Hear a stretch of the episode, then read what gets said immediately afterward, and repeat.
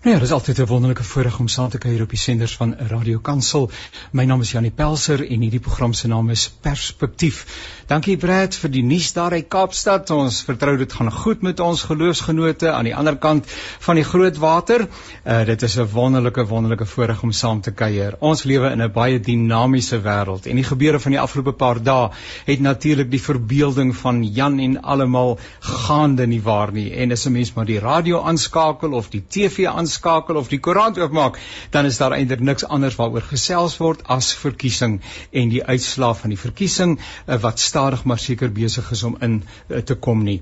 Ek wonder hoe dat jy nogal oordeel oor die verkiesing. Het jy deelgeneem, nê? Nee, daar was 'n klompie mense, so die helfte van ons nie so nagom nog 20 miljoen mense wat uh, natuurlik geregistreer het om deel te neem aan die verkiesing en dan teen hierdie tyd is dit bekend dat die stempersentasie eintlik teleurstellend laag was. Ons gaan nou daaroor gesels uh daar is bepaalde bewegings in terme van die steun wat verskillende politieke partye geniet en ek wonder hoe jy daaroor voel en wat jou gedagtes in die verband is. Ek wonder of jy dalk een van die mense wat besluit het ek gaan nie stem nie en wat sou jou beweegrede wees? Ek wonder of jy dink dit was 'n goeie skuif of daar 'n beter manier is om dalk jou ongelukkigheid uh uh, uh, uh weer te gee en uh, uh deur te gee uh, of sou dit doodgewone apatie wees dat dit jou net nie meer raak nie. Uh, daar kan verskillende moontlikhede wees nie waar nie en ons is nie hier om te oordeel nie. Inteendeel ons gesels in hierdie program perspektief. Ons probeer meer inligting op die tafel bring sodat jy uiteindelik ook ingeligte besluite kan maak oor jou eie lewe en ook oor die lewe van die mense wat naby aan jou is. Baie baie dankie vir die voorreg om saam te kuier. Dis 'n groot groot voorreg weer 'n keer. My naam is Jannie Pelser. En ek gesels nou met 'n professor Jolien Stein Kotse en ek gaan nou in Engels sê want dit is 'n lange titel wat die dame het nê nee, ek is chief research specialist in democracy and citizen citizenship by die Human Research Human Science Research Council. Professor Julien, goeiemôre en baie baie welkom. Goeiemôre, baie dankie. Dit is lekker om saam met jou te kuier. Nou moet jy eers vir ons vertel wat beteken dit? Wat wat behou behels jou werk as 'n uh, hoofnavorsingsspesialis in demokrasie? En dit lyk my demokrasie is nogal 'n saak waaroor daar ernstige vrae bestaan en burgerskap. Uh, wat behels jou taak van dag tot dag? Um baie ek is baie van my navorsing en my navorsingsprojekte fokus um oor jou verskillende ondervindinge van burgerskap as dit sin maak wat verskillende ja. groepe mense kan hê. So ehm um, my my fokus is nie is natuurlik oor hoe 'n demokrasie werk. So wat is die kwaliteit van 'n demokrasie? Wat is die kwaliteit van electoral integrity? Werk daardie prosesse nog soos wat hulle moet werk? Maar meer belangriker is die substantive aspek van 'n uh, demokrasie en dit is jou socio-economic rights, jou jou uh reg tot menswaardigheid, um en of mense basies die kwaliteit van lewe wat mense het in 'n demokrasie en um ek doen natuurlik werk vir die Human Sciences uh, Research Council en ek is ook die wat hulle noem country expert vir die Varieties of Democracy Index wat gebaseer is in Swede sommer 'n hele 'n hele mond vol. Uh prof en so baie baie dankie dat ons uh, met mekaar kan saamgesels. Dit klink vir my as daar nou mense is wat in hierdie tyd in aanvraag is, dan is dit mense wat 'n uh, raakvelde met die politiek het. Uh political analysts and researchers and people like that. We hear them on the radio, on television. I was in contact with a number of these people. They are so busy and even you said that you're quite tired at this stage. Is it because of of uh, many engagements and speaking engagements and anal- analyzing that you need to do, etc.? Yeah, uh, I need lots of coffee. I'm very sleep deprived um, at the moment, and it's because we do work with the the uh, electoral result uh, system as the results start coming in live. So, um, you know, and of course, I'm based in Gqeberha, which is in the Eastern Cape, and I read an article this morning that was lamenting how the Eastern Cape is still ANC dominant when in fact it's a very skewed picture painted. Um, because in many areas what we have seen that are ANC strongholds, your voter turnout is cruising at around that 30% mark only, meaning that more than two thirds of people voted with their feet, meaning they opted out of the process. So let us get back to that uh, to start with. Perhaps just some remarks regarding what has transpired during the last couple of days. The 1st of November, people that went to the polls, uh, the uh, the, the, number of people that actually turned out, as you said, those people that did not turn up uh, to to actually vote uh, and take up that particular right and privilege that people have, uh, and uh, slowly but surely the results are coming, becoming available. What is your take? What is it that you feel and sense? Uh, what lives in your heart uh, in, in in terms of what is happening at the moment? You know, I think we will have a much clearer picture, of course, once the final results are, are calculated. And I would be very interested to see who is it that has gone out and vote. I think um, a lot of the low voter turnout we are seeing could possibly be related to uh, your age groups, your 18 to 19 year old group, your 20 to 24 year old group. Um, I'm not counting 25 to, to 34 in this particular cohort because I mean, we know that the older one gets there's generally a little bit more participation, you know, because by then you might have a home loan, uh, you might be paying taxes and, and that type of thing. Correct. Um, so I think what we are seeing with this lower voter turnout, noting that we are actually very, a very youthful population in South Africa, um, we only note that around 10% of your 18 to 19 year old cohort actually registered to vote. Um, and that number looks a bit better with your 20 to 24 year old cohort. And that's kind of got me wondering why people are not going to the votes. And then I got thinking around, you know, are political parties having the correct conversations with the youth? Which is a substantial number of, of, of people that they do need to target to number one, register to vote and number two, actually go out and vote. Um, and I think we need to start appreciating that maybe the conversations political parties are having in their campaigning does not necessarily resonate with what some of the issues are that the youth are thinking about. Um, you know, and possibly maybe also in putting out their five-year plans for the local government election, maybe also not projecting to the world that the youth is going to inherit in 20 or 30 years time, which is going to look very different than what it does today. Uh, professor Jolien, um, as ek so nou luister en ek lees uh, op Media 24 vir die jongste berigte wat nou verskyn dat rowweg 10 miljoen mense opgedaag het en soos u sê u doen analises om uit te vind what age group is represented etc etc but generally uh, this is probably is the lowest turnout uh, uh, that that we've had so far in elections since 1996. Uh, uh, is it that people have lost faith in democracy, in the democratic process? Uh, is it a way that people protest and say, "Listen, but uh, somewhere I need to just uh, communicate my disillusionment with the way that we are being treated"?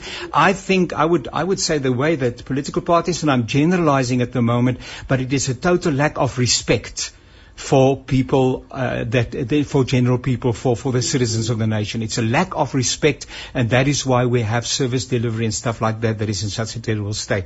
But but perhaps just a remark. 10 million people out of 60 million people well uh, our registered voters 42 uh, million of the people were eligible to to to register.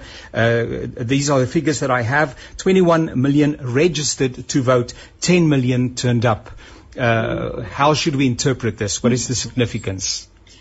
Now, I think when we uh, we also have to bear in mind context matters, and you know we have had what is often called the nine wasted years of the Zuma administration, yes. uh, state capture, corruption, and of course, once you engage in corruption um, in the public coffers, what you're actually doing is stealing from the poorest of the poor, and yes. that also affects the ability of the state uh, to do your infrastructure maintenance, you know, and kind of do those things that we have to do because the money has been taken and is not there as a result.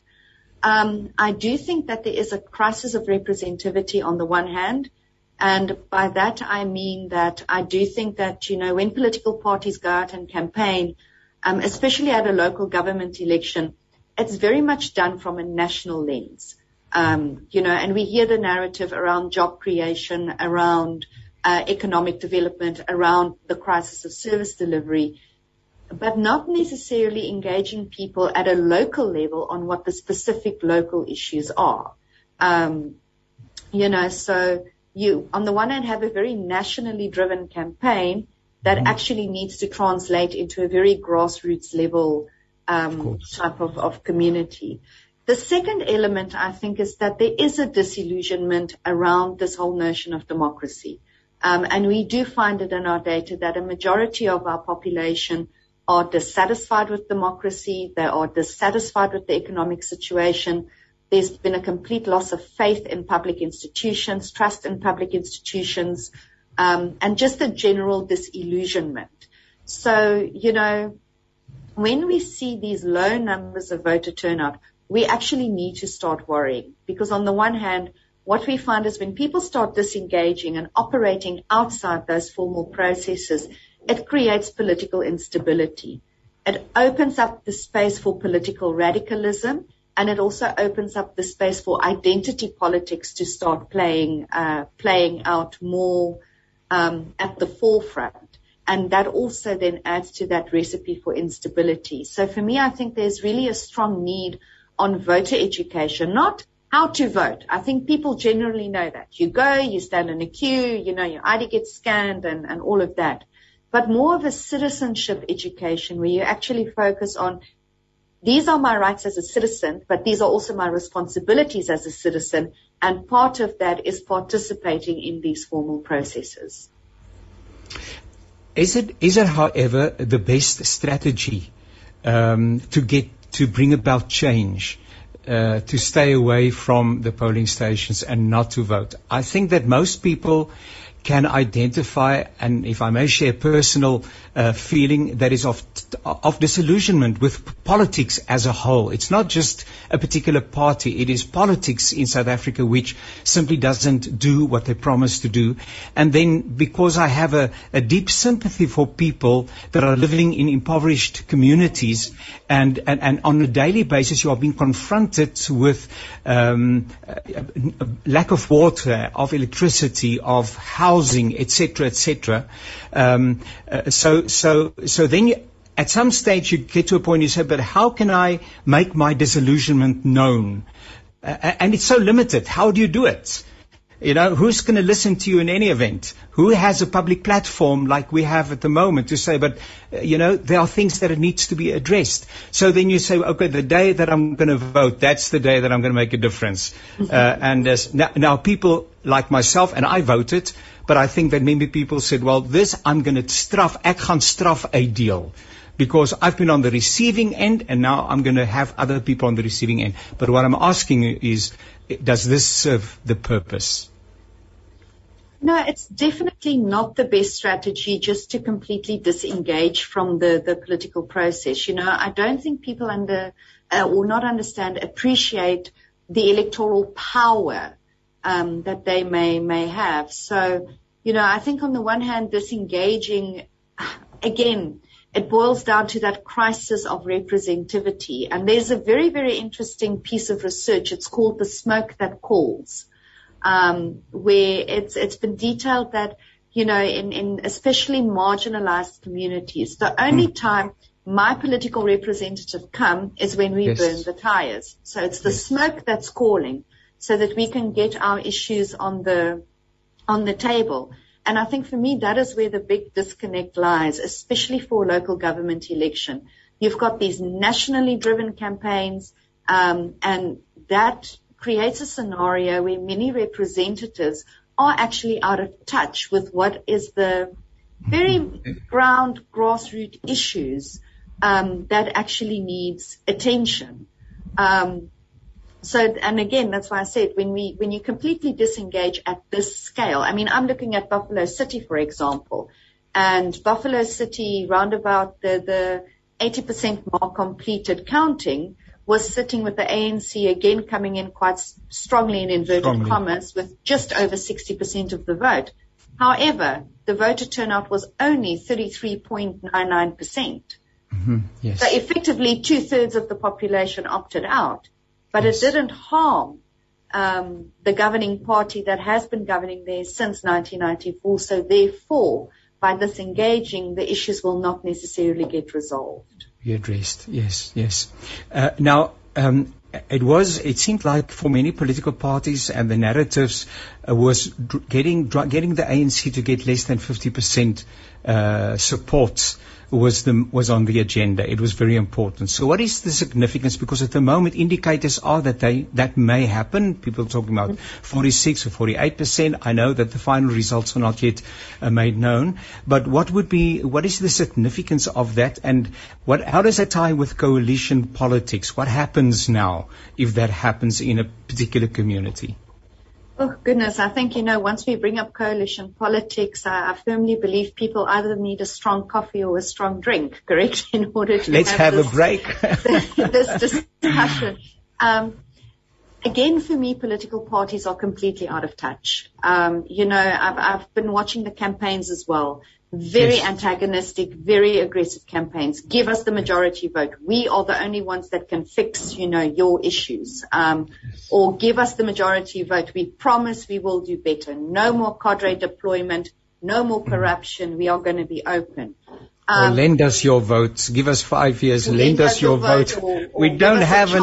Or, we know, don't. We don't have another five years. Yes. Something like that. And yes. Um, that is not what we need right now. I think, you know, you look at the Auditor General reports, you look at the crisis where many, many yes. municipalities are in. Mm, incredible. Um, you look at just the, the negligence, the maladministration, all of those issues. What we need is not a party or a superhero to come in and fix everything for everybody. You mm-hmm. actually need more of a politics of collaboration where okay. you have working relationship, partnerships, uh, effective stakeholder engagement with businesses, with communities, because it's going to take a collective effort. And unfortunately, political parties are still stuck um, in that antagonistic uh, type of engagement with one another, um, and also high levels of political intolerance um, amongst political parties. And again, if you're sitting in a coalition situation where you now have to work with your proverbial enemy, you need to move beyond that antagonistic, intolerant, you know, you are my nemesis type of view of, of the political opposition. Um, you cannot vilify your political opponent. Um, Makana is a particularly interesting case study that has popped up as well because we know, of course, there was a landmark ruling last year where the constitutional court said, dissolve the council. It is not fulfilling its constitutional mandate of service delivery to citizens.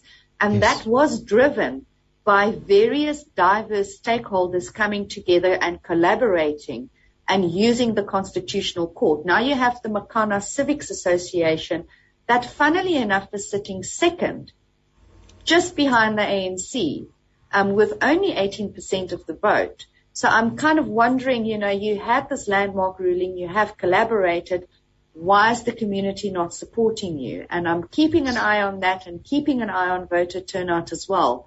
Um, but for me, the critical thing is really, you know, you need that collaborative politics. I mean, if we think globally, we think about the COVID pandemic or we think about some of the global climate crises, you don't have one state coming out and saying, we are going to fix all of this. Mm-hmm. You have states coming forward and saying, we need to work together, together in order yes. to address these issues. And yes. that is, I think, where our political parties are still very immature um, in, in their approaches and, and strategic campaigning. So just in, in closing, um, ultimately it is the li- it is the rights uh, of of the community that is that is uh, uh, touched by what what happened now. These are just the this is part of the drama, but now it's still me with no water, no electricity, no this, no that, no service delivery, and so on. So, w- what word do you have for communities uh, in terms of the responsibility that they have after the local elections? You know, I think a key thing is going to, to be accountability um, and hold your representatives accountable. Um, there are ward committee meetings, for example, that communities are able to specifically engage with their ward representatives. Um, but those processes are generally not being sufficiently utilized by communities. And that creates the space for government and, and ward councillors and representatives to almost use it as a little tick box exercise. Mm. And it becomes an information sharing um, scenario with communities where communities are kind of at the receiving end of this is what we're doing, but not necessarily seeing those changes. Um, so I do think questions of, you know, using formal processes to hold representatives accountable becomes critical because right now what we're seeing is accountability measures so in inverted commas uh, through protest action, you yes. know, that smoke that calls and not necessarily utilizing the processes that we currently have. Yes, they are not working optimally and in many cases very, very dysfunctional. But I do think also that if communities really take up that responsibility and say, I'm going to go to my ward committee meeting tonight. I want to know why when you promised to fix this lamppost, this lamppost has not been fixed. Um, or you promise that there will be more visible policing because we have high rates of gangsterism in the area. Uh, why is that not not here? Um, you know, put your put your representatives on the spot, so to speak. Nou ja, ons gee verskoning vir complacency nie, nê? En ek dink dat ons dalk so skuldig is daaraan, grondvlak mense, burgers, dat ons kla, maar dat ons self nie opdaag nie en uh, dat ons 'n geleentheid soos hierdie gebruik en misbruik om ons misnote kenne te gee tot die volgende geleentheid. En al wat ons in die interim doen is om te kla. Uh, but there are communities where people are coming together and where significant and meaningful change is taking place. So perhaps that is our responsibility. I also believe that is our responsibility as, as Christians. We are uh, rentmeesters of that, what God has entrusted to us. Uh, and we have a responsibility to look after that and to care for it and also to, to care uh, for uh, coming generations. It's not just us. There are children and grandchildren. They're growing up and what kind of world are we leaving for them? Uh, so the Professor Jolene Steyn-Kotze. She is Chief Research Specialist in Democracy and Citizenship at the Human Sciences Research Council. Thank you so much for your participation. Have a wonderful day. I hope you get some rest or a cup of coffee, whatever comes first. But thank you so much for your availability. We do appreciate. Thank you very much. It was lovely chatting with you and everybody. Thank you. Goodbye. Nou ja, so gesels uh, professor Jolien Steyn Kotse is interessant van interessante van, nee, Steyn Kotse met 'n koppelteken woord. Ons uh, gaan nou luister net voordat ons gesels met uh, Gerard uh, Pelser en sy vroukie Tinka uh, van Durban oor 'n baie interessante saak, gaan ons luister na Michael Lind en die lied wat hy vir ons sing is Elke knie sal buig. Kom ons uh, kom ons luister daarna en ons waardeer ook hierdie pragtige geestelike musiek. Deel die liefde, deel die waarheid en deel die lewe op 657 AM. Wat 'n wonderlike lied die van Michael Lind. Elke knie sal buig en elke tong sal bely dat Jesus Christus die Here is en ons praat oor verkiesing en verkiesingsuitslae en apatie of onverskilligheid of moedsvulligheid of protes by ons kiesers en 'n klomp dinge, maar ons het ook deel aan 'n ander koninkryk, net die koninkryk van God. Dit is die groter koninkryk en is 'n koninkryk wat hierdie aardse koninkryk transcendeer en dit is belangrik dat ons ons burgerskap daarvan ook volledig sal uitlewe. Nou uh, in die onlangse verlede uh, was daar natuurlik die gebeure in uh, onder andere KwaZulu-Natal en dan ook in Gauteng gewees waar daar 'n protes uh gebeure was protes uh, optogte. En uh, daardie protesgebeure het uh natuurlik uh, gewellige skade veroorsaak vir besighede miljarde rande uh ontsettende ontwrigting, werkloosheid en 'n klomp dinge wat daarmee gepaard gegaan het. En uh nou ja, op hierdie stadium weet ek nie dat die saak uh behoorlik te berde gebring is en dat uh, die moetswilliges aan die aan die pen gery nie, maar nou ja, uh, prosesse sal seker maar 'n normale loop neem. Maar die afgelope naweek lees ek in die media van 'n paartjie uh of mense in Durban omgewing onder die opskrif dat Durban onder andere uit die as uit opgestaan het en hulle is mense wat 'n besigheid bedryf in die omgewing en wat self hierdie uh nadelige uitwerking van die protes en alles wat daarmee saamhang aan eie lyf gevoel het, maar tog weer die genade gevind het om op te staan en dis waaroor ons gaan saam kuier. So uh baie baie welkom Gerard en nou daar staan Andrea, ek tog dis Tinka. So nou hoe werk dit nou? Help vir my. Ja. Ja, Andrea se dogter, jammer. Andrea se julle dogter, jy's Tinka? Yes. En dis Gerard. Ja, ja sy. En jy ja. En, en julle spelser met 'n Z. Nou kyk, ek spelser met 'n S.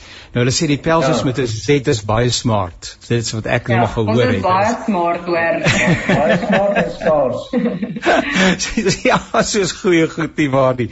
Ag, so lekker om saam julle te kuier en dit was interessant om die berigte gelees het in uh, die uh, media en uh, en te sien hoe dit julle te midde van daardie swaar kry en worsteling besluit het dat julle tog wel die bil by die horings gaan pak en weer gaan opstaan. So So, miskien kan julle eers vir ons vertel van hoe lank julle in besigheid is. Dit lyk vir my dis 'n geruime tyd. Uh in daai spesifieke besigheid, wat is die aard van julle besigheid? Waar is julle geleë in Durban? 'n Klompie van daai geografiese en ander uh, biografiese inligting asseblief. En julle moet sommer saam gesels asseblief. Ja, ehm uh, Janie, ons het so in 2003 Durban toe getrek. My pa en my broer het um, so al in 97 Durban toe getrek om hierdie spesifieke besigheid te begin. Um, ons almal is maar van Transvaal in Ermelo en Middelburg omgewing. En ehm um, my vrou Tinka is van Nelspruit af.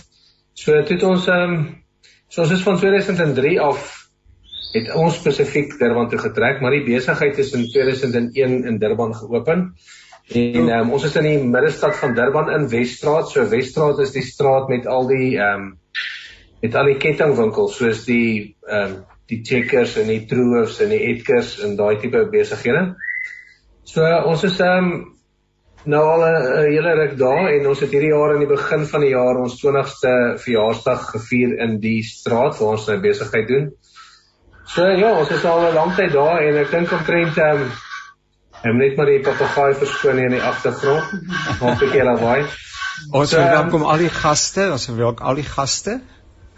ja. Ja, so ons is ehm um, drie van ons mense wat vir ons werk is nou al 20 jaar by ons. So um, ja. Ja, en ons ons het regtig baie van die mense wat vir ons werk is al langer as 10 jaar op daar. So die dinge die dinge nou gebeur was dit maar was dit maar um, moeilik vir almal gewees ja. ja. Baie ontwrigtend. Sommige net interessant. Um, ja. Ja, ons is 'n algemene retailer, so ons verkoop ehm um, basies plastiek, glasware, partytjie is 'n baie groot deel van ons winkel, stationery. Ja. Ehm um, ja, ons winkel is so 1500 vierkante meter en ehm um, ons het heidaglik so 70 permanente staf en tussen dit wissel tussen 50 en 100 tydelike staf op 'n tyd. Ja, nee, so, maar ja, dit so is 'n baie Ja, dis 'n baie gevestigde besigheid nê nee, om 70 permanente personeellede te hê en dan ja, al daai ja. vrywilligers ja. en dan julle kliëntebasis is ook baie sterk gevestig wil ek myself uh, verstout om te sê dis 20 jaar en uh, mense raak mos ook lief vir die plek waar hulle die goed kry wat hulle nodig het. Alhoewel uh, as ek maar sommer net so dink uh, ons was onlangs het ons 'n bietjie deur Durban gery ons moes 'n motor versien wat langs die pad skade opgetel het en uh, en en en sjoe die omgewing het baie verander in die sogenaamde middestad van Durban nie waar nie ook wat die winkels en die ja, fotografie en die, ja. die voete betref en so aan. So ou moet gedurig aanpas om relevant te bly. Ja, definitief. Ek dink ehm um, ons kliëntebasis ehm um, definitief is maar uh, dit dit het 'n verskeidenheid mense, maar die die middestad is maar hoofsaaklik op die oomblik ehm um, nie blanke mense. Maar ja. dit is ook 'n baie lekker groep mense om mee te werk want ehm um, soos jy ook sê mense bou verhoudings oor jare. Ons het kliënte wat al vir jare lank daar kom en ek dink ek en Gerard het al baie die comment gehoor van, "Jo, hoe werk julle so in die middestad?" Maar ja. eintlik is dit vir ons baie lekker. Ons het nie 'n probleem daarmee nie. Ons het 'n um, ehm, goeie verhoudings met die mense. Mens ja. mens jy weet dit mens kom 'n lang pad. So dit is definitief ehm um, ja, verhoudings is belangrik vir ons en ek sal sê dis ook die hoofrede hoekom ons nog daar is. Ja, ja. Nou nou toe gebeur ek ek won ek ek dink nie dat 'n ou voorsien in jou eie gedagtes dat wat gebeur het rondom daai protesoptrede met jou kan gebeur nie. Ek bedoel selfs dat dit in Suid-Afrika kan gebeur. Vertel vir ons wat het wat het met julle gebeur, julle besigheid? Ek, ek dink ons het die ehm um, hier by die Vrydag rond het ons gesien daar is nogal baie protesaksies aan die gang in KwaZulu-Natal. Ek weet van daar by ehm um, Escort het hulle 'n klomp trokke aan die brand gesteek mm -hmm. hier by die Vrydag al. So almal het geweet daar is redelik moeilikheid op pad, maar ehm um, ons was weg gewees vir die naweek en een van die mense wat ehm um, voorheen vir ons gewerk het, het ons ge ge WhatsApp en gesê ons moet pasop hulle gaan die besighede aanval en ons moet gasalarms insit en Maar ja, ek het ek het gedink ag, ek ons kan in elk geval nie nou gasalarms insit nie. Ons weet nie eens wat is 'n gasalarm nie. Ja, soos jy sê, mens dink nooit so iets gaan met jou gebeur in 'n geval nie, ja. Ja, en ek ek dink ons het net maar gedink ja, dit kan dalk op plekke gebeur, maar ons het nooit besef ehm um, daar's 'n aanval wat geloods gaan word op die hele KwaZulu-Natal. Elke dorp in die in die provinsie was geaffekteer geweest. So dit moes moes groot beplan gewees het vooraf. So Ehm um, ons het hierdie Sondag aand ehm um, teruggekeer huis toe ehm um, nadat ons weg was vir die naweek en ehm um, ons op ons fone kan ons die kameras by die winkel ehm um, sien. En ons het toe op ons fone begin kyk na wat gaan aan in die omgewing. Sure. En toe het ons gesien hulle is besig om die troofs ehm um, winkel wat die grootste troofs in die land is. Ja. Ehm um, bokant ons te begin leegdra fisies en ehm um, Sure. Ja, ons kon dit nie glo nie en ons het nou maar bekommerd geweest oor ons winkel, maar ons ja. absoluut niks wat jy daaraan kan doen nie. Ja. Ja, ons ja. het nou begin sien dat hulle in die winkel is. Ons het begin sien dat die die voorste ehm um, fire escape deure is oopgebreek en dat hulle het, ons het twee roldeure voor jy eers in ons winkel kan kom. So dit is nie sommer net van jy breek 'n deur oop nie. Maar toe ons hierso sien die tweede roldeur is nou oop toe bel ons ons sekuriteitsmaatskappy en hulle sê toe net vir ons hoor ons kan niks doen nie. Die situasie is te gevaarlik ons bel ter die polisie en die polisie het vir ons basies maar dieselfde gesê dat die situasie is te gevaarlik. Ja. En ek dink 8:00 daai aand toe bel een van ons bestuurderesse ons toe sê sy vir ons ehm um, die OK winkel is reg bo ons. Dis sê sy OK se alarm het nou net afgegaan. En toe besef ons onmiddellik daar's probleme en toe ons op ons kamera stelsel gaan, dis alles af. So toe besef ons kyk nou is hulle vol in die winkel en nou weet ons glad nie verder nie. Ja, so die volgende 2 dae, 3 dae was nogal sanitêrgend geweest want jy oh. dit die hierdie ding het nie net 'n dag gebeur nie. Dit was dit was 3 dae voordat ons oh. eers eintlik in ons winkels kon kom om eintlik te sien wat daar aangaan. Ja, ja so dit was van die lekker nie, ja. En toe julle nou daar kom, wat het oorgebly? Wat was dit wat julle gevind het en wat het in julle eie harte? Ek ek kan net dink aan die angstigheid wat 'n ou beleef terwyl jy eintlik op die kamera sien uh, dat dit waarvoor jy 'n leeftyd gewerk het, uh, eenvoudig net uh, weggeraak en nou kom julle, vertel bietjie wat het julle daar gevind? Ja, dit was maar moeilik geweest want ons het aan die begin, jy weet, as jy iemand vang wat ehm um, winkeldiefstal pleeg, dan is jy dadelik ehm um, ook kwaad op 'n manier. Ja. En nou is die winkel net oop, almal help hulle self. Dit is soos 'n um, en jy het geen geen beheer nie. Jy moet net net ehm um, rustig wees daaroor en ons is by die huis. Ons bly so 15 km of 20 km van van daar af en ja, ek wil gaan en gaan kyk, maar ehm um, dink het gesien nee, dit is te gevaarlik. Jy kan nie jy kan nie so toe gaan nie en ons is eers hier by die maandag, dinsdag, woensdag se kant het ons het ons het ek gesê hoor ek gaan nou stad toe om te gaan kyk wat daar aangaan want ja. ek is bang hulle maak 'n vuur binne in die winkel en hulle brand die hele gebou af.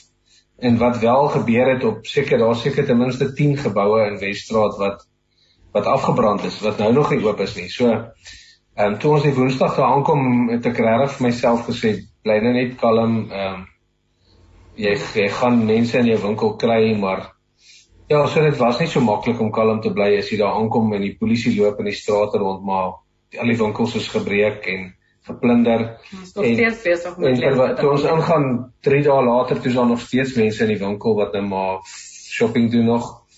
So ehm um, ja, dit was maar moeilik, regtig moeilik om toe kalm te bly en Ja, ek dink een van die grootste uitdagings was ook dat daar geen jy kon geen sekuriteit kry om jou winkel op te pas nie. Ek dink ehm um, geld het 'n groot rol op daai stadium gespeel. So ek dink groter ouens het dalk baie sekuriteitskampanjes gekry, maar ons het letterlik hier by die huis gesit en geweet want hulle het ons um roldeur so in die helfte deur gesny. So daar was nie 'n manier wat ons die winkel kon toemaak nie. So jy sit hier by die huis en jy besef terwyl jy nou hier op jou bank sit of in jou bed lê, behalwe vir die skote wat hier om jou afgaan en en en jou kinders wat getraumatiseer word ook deur dit. En as jy by jou venster uitkyk dan sien jy nog 'n gebou wat brand of as jy die TV aanskakel is dit wat jy sien. Sit jy in jou huis en jy besef die hele tyd soos ek hier sit is my winkel besig om leeg gedra te word. En ag wat ons sleg was is dat hulle het in ons gebou 'n paar keer ook probeer om die gebou aan die brand te steek op verskillende punte So dan gaan die fire alarm af of die sprinkler system gaan af en dan dan die stof wat nou nog daaroor is word nou alles nat. So dis 'n sulke tipe goed wat jy die hele tyd mee uitdagings het want in die middel van die nag sal hulle ons bel dan sal hulle sê hoorie julle gebou is besig om te brand, maar dan is dit eintlik die gebou langs jou, maar dan lê jy in jou bed en dan sê wat kan jy doen in 'n geval? So ag ons het dit regtig maar net oorgegee op 'n stadium en ons het op mekaar gesê luister hierdie ding gaan jy van jou kop af maak. Jy moet nou ja, jy moet nou rustig raak. ja, ja, ja. ja.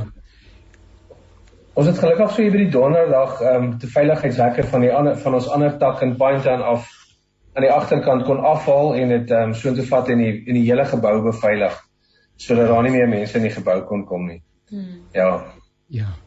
Maar nou toe, toe was die skade reeds gedoen. Ek ek vermoed dat een van julle groot bekommernisse moes sekerlik gewees het die 70 permanente werkers. Hoeveel? Dis 'n klomp huishoudings met ander woorde. Daar is tog gesinne wat daardeur geraak word benewens die uh, die ander uh, mense wat van tyd tot tyd vir julle ondersteun het.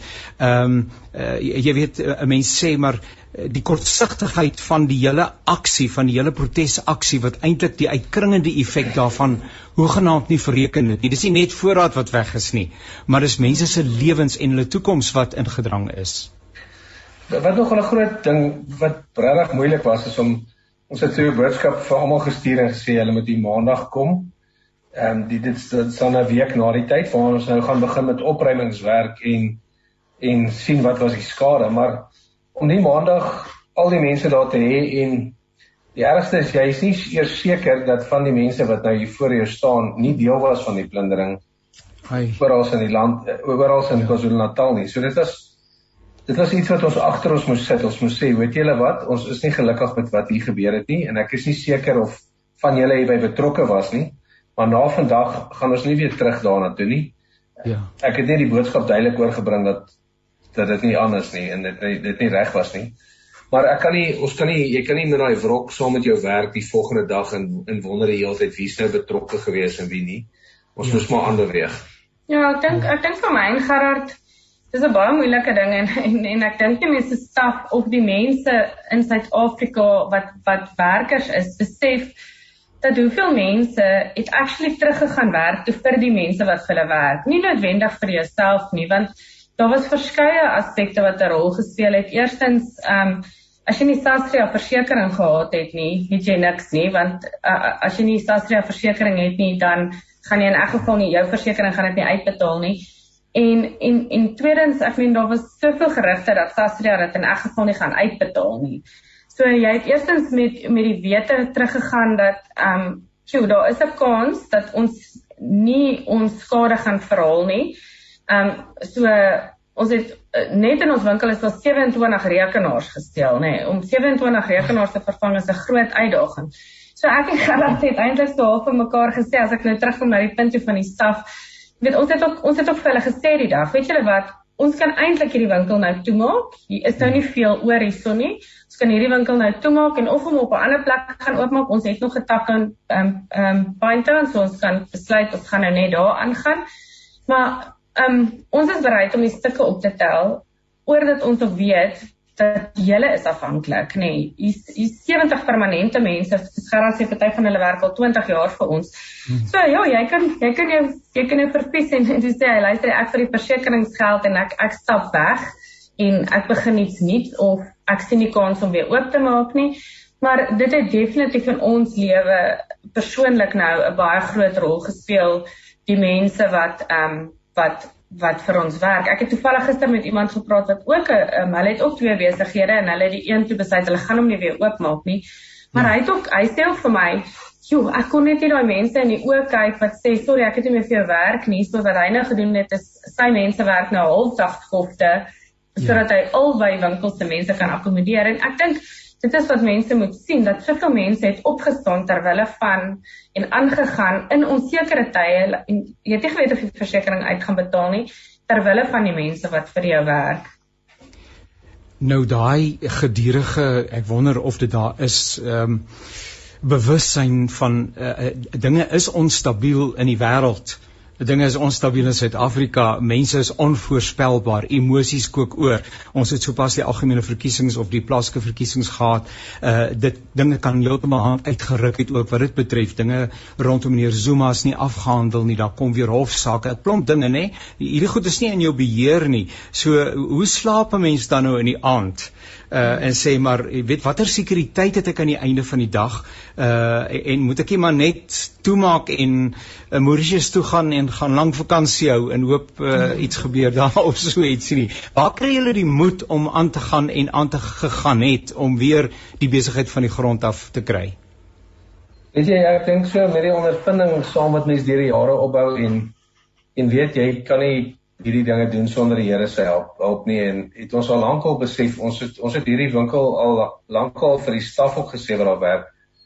Dit is nie ons winkel nie ons ons het hom vir die Here gegee. So wat moet gebeur moet maar gebeur en ehm um, wat in ons lewe ook gebeur en in die paadjies wat ons loop is maar goed wat op jou pad kom en ons niks wat ons persoonlik aan kan doen nie. Ons moet dit maar deur geloof doen en ons ehm um, ons glo dat die Here deure oopmaak en deure toemaak en en aan en so gaan ons maar aan. Ehm um, dis vir my bietjie maklik of nie makliker nie, maar die die ehm um, die die lewensondervinding wat ek het is is ehm um, sit 'n ding agter jou en gaan aan.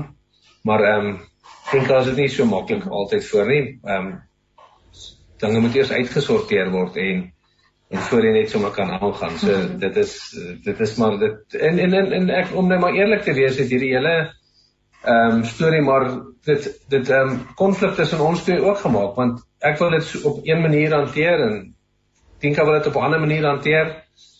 So dit is heeltemal onnodig wat gebeur het. So ehm um, maar ja, gelukkig gaan mens aan en dinge raak weer beter.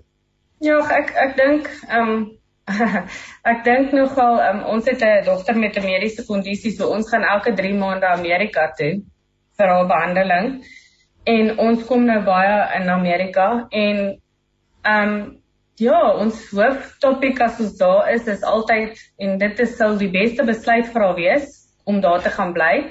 Maar ons drie se hooftopik is altyd ehm um, sal ons daar kan bly. En in 'n mate dink ek ek en Andrea sal seker ook kan aanpas. Ons kon ons versekerings se geld gevat het ons in ons sekerlik in Amerika ingekoop het as ons wou. Maar weet jy wat ons is Suid-Afrikaners in Murgenbeen. Ons het twee ouer kinders wat in hulle 20's is en albei staan so half en half op trou en eintlik toevallig vertel ek altyd hierdie storie so so 3 dae voor hierdie ding gebeur het. Eintlik al letterlik al Vrydag voor die raai sê sê ons vir die ouer kinders Hoorie, ons gaan Amerika toe trek om julle saam. Ons het net van Amerika af teruggekom en hulle kyk ons so, hulle sê, Nee, ons het veel kom kuier, maar ons kom nie saam nie. en ehm um, so ja.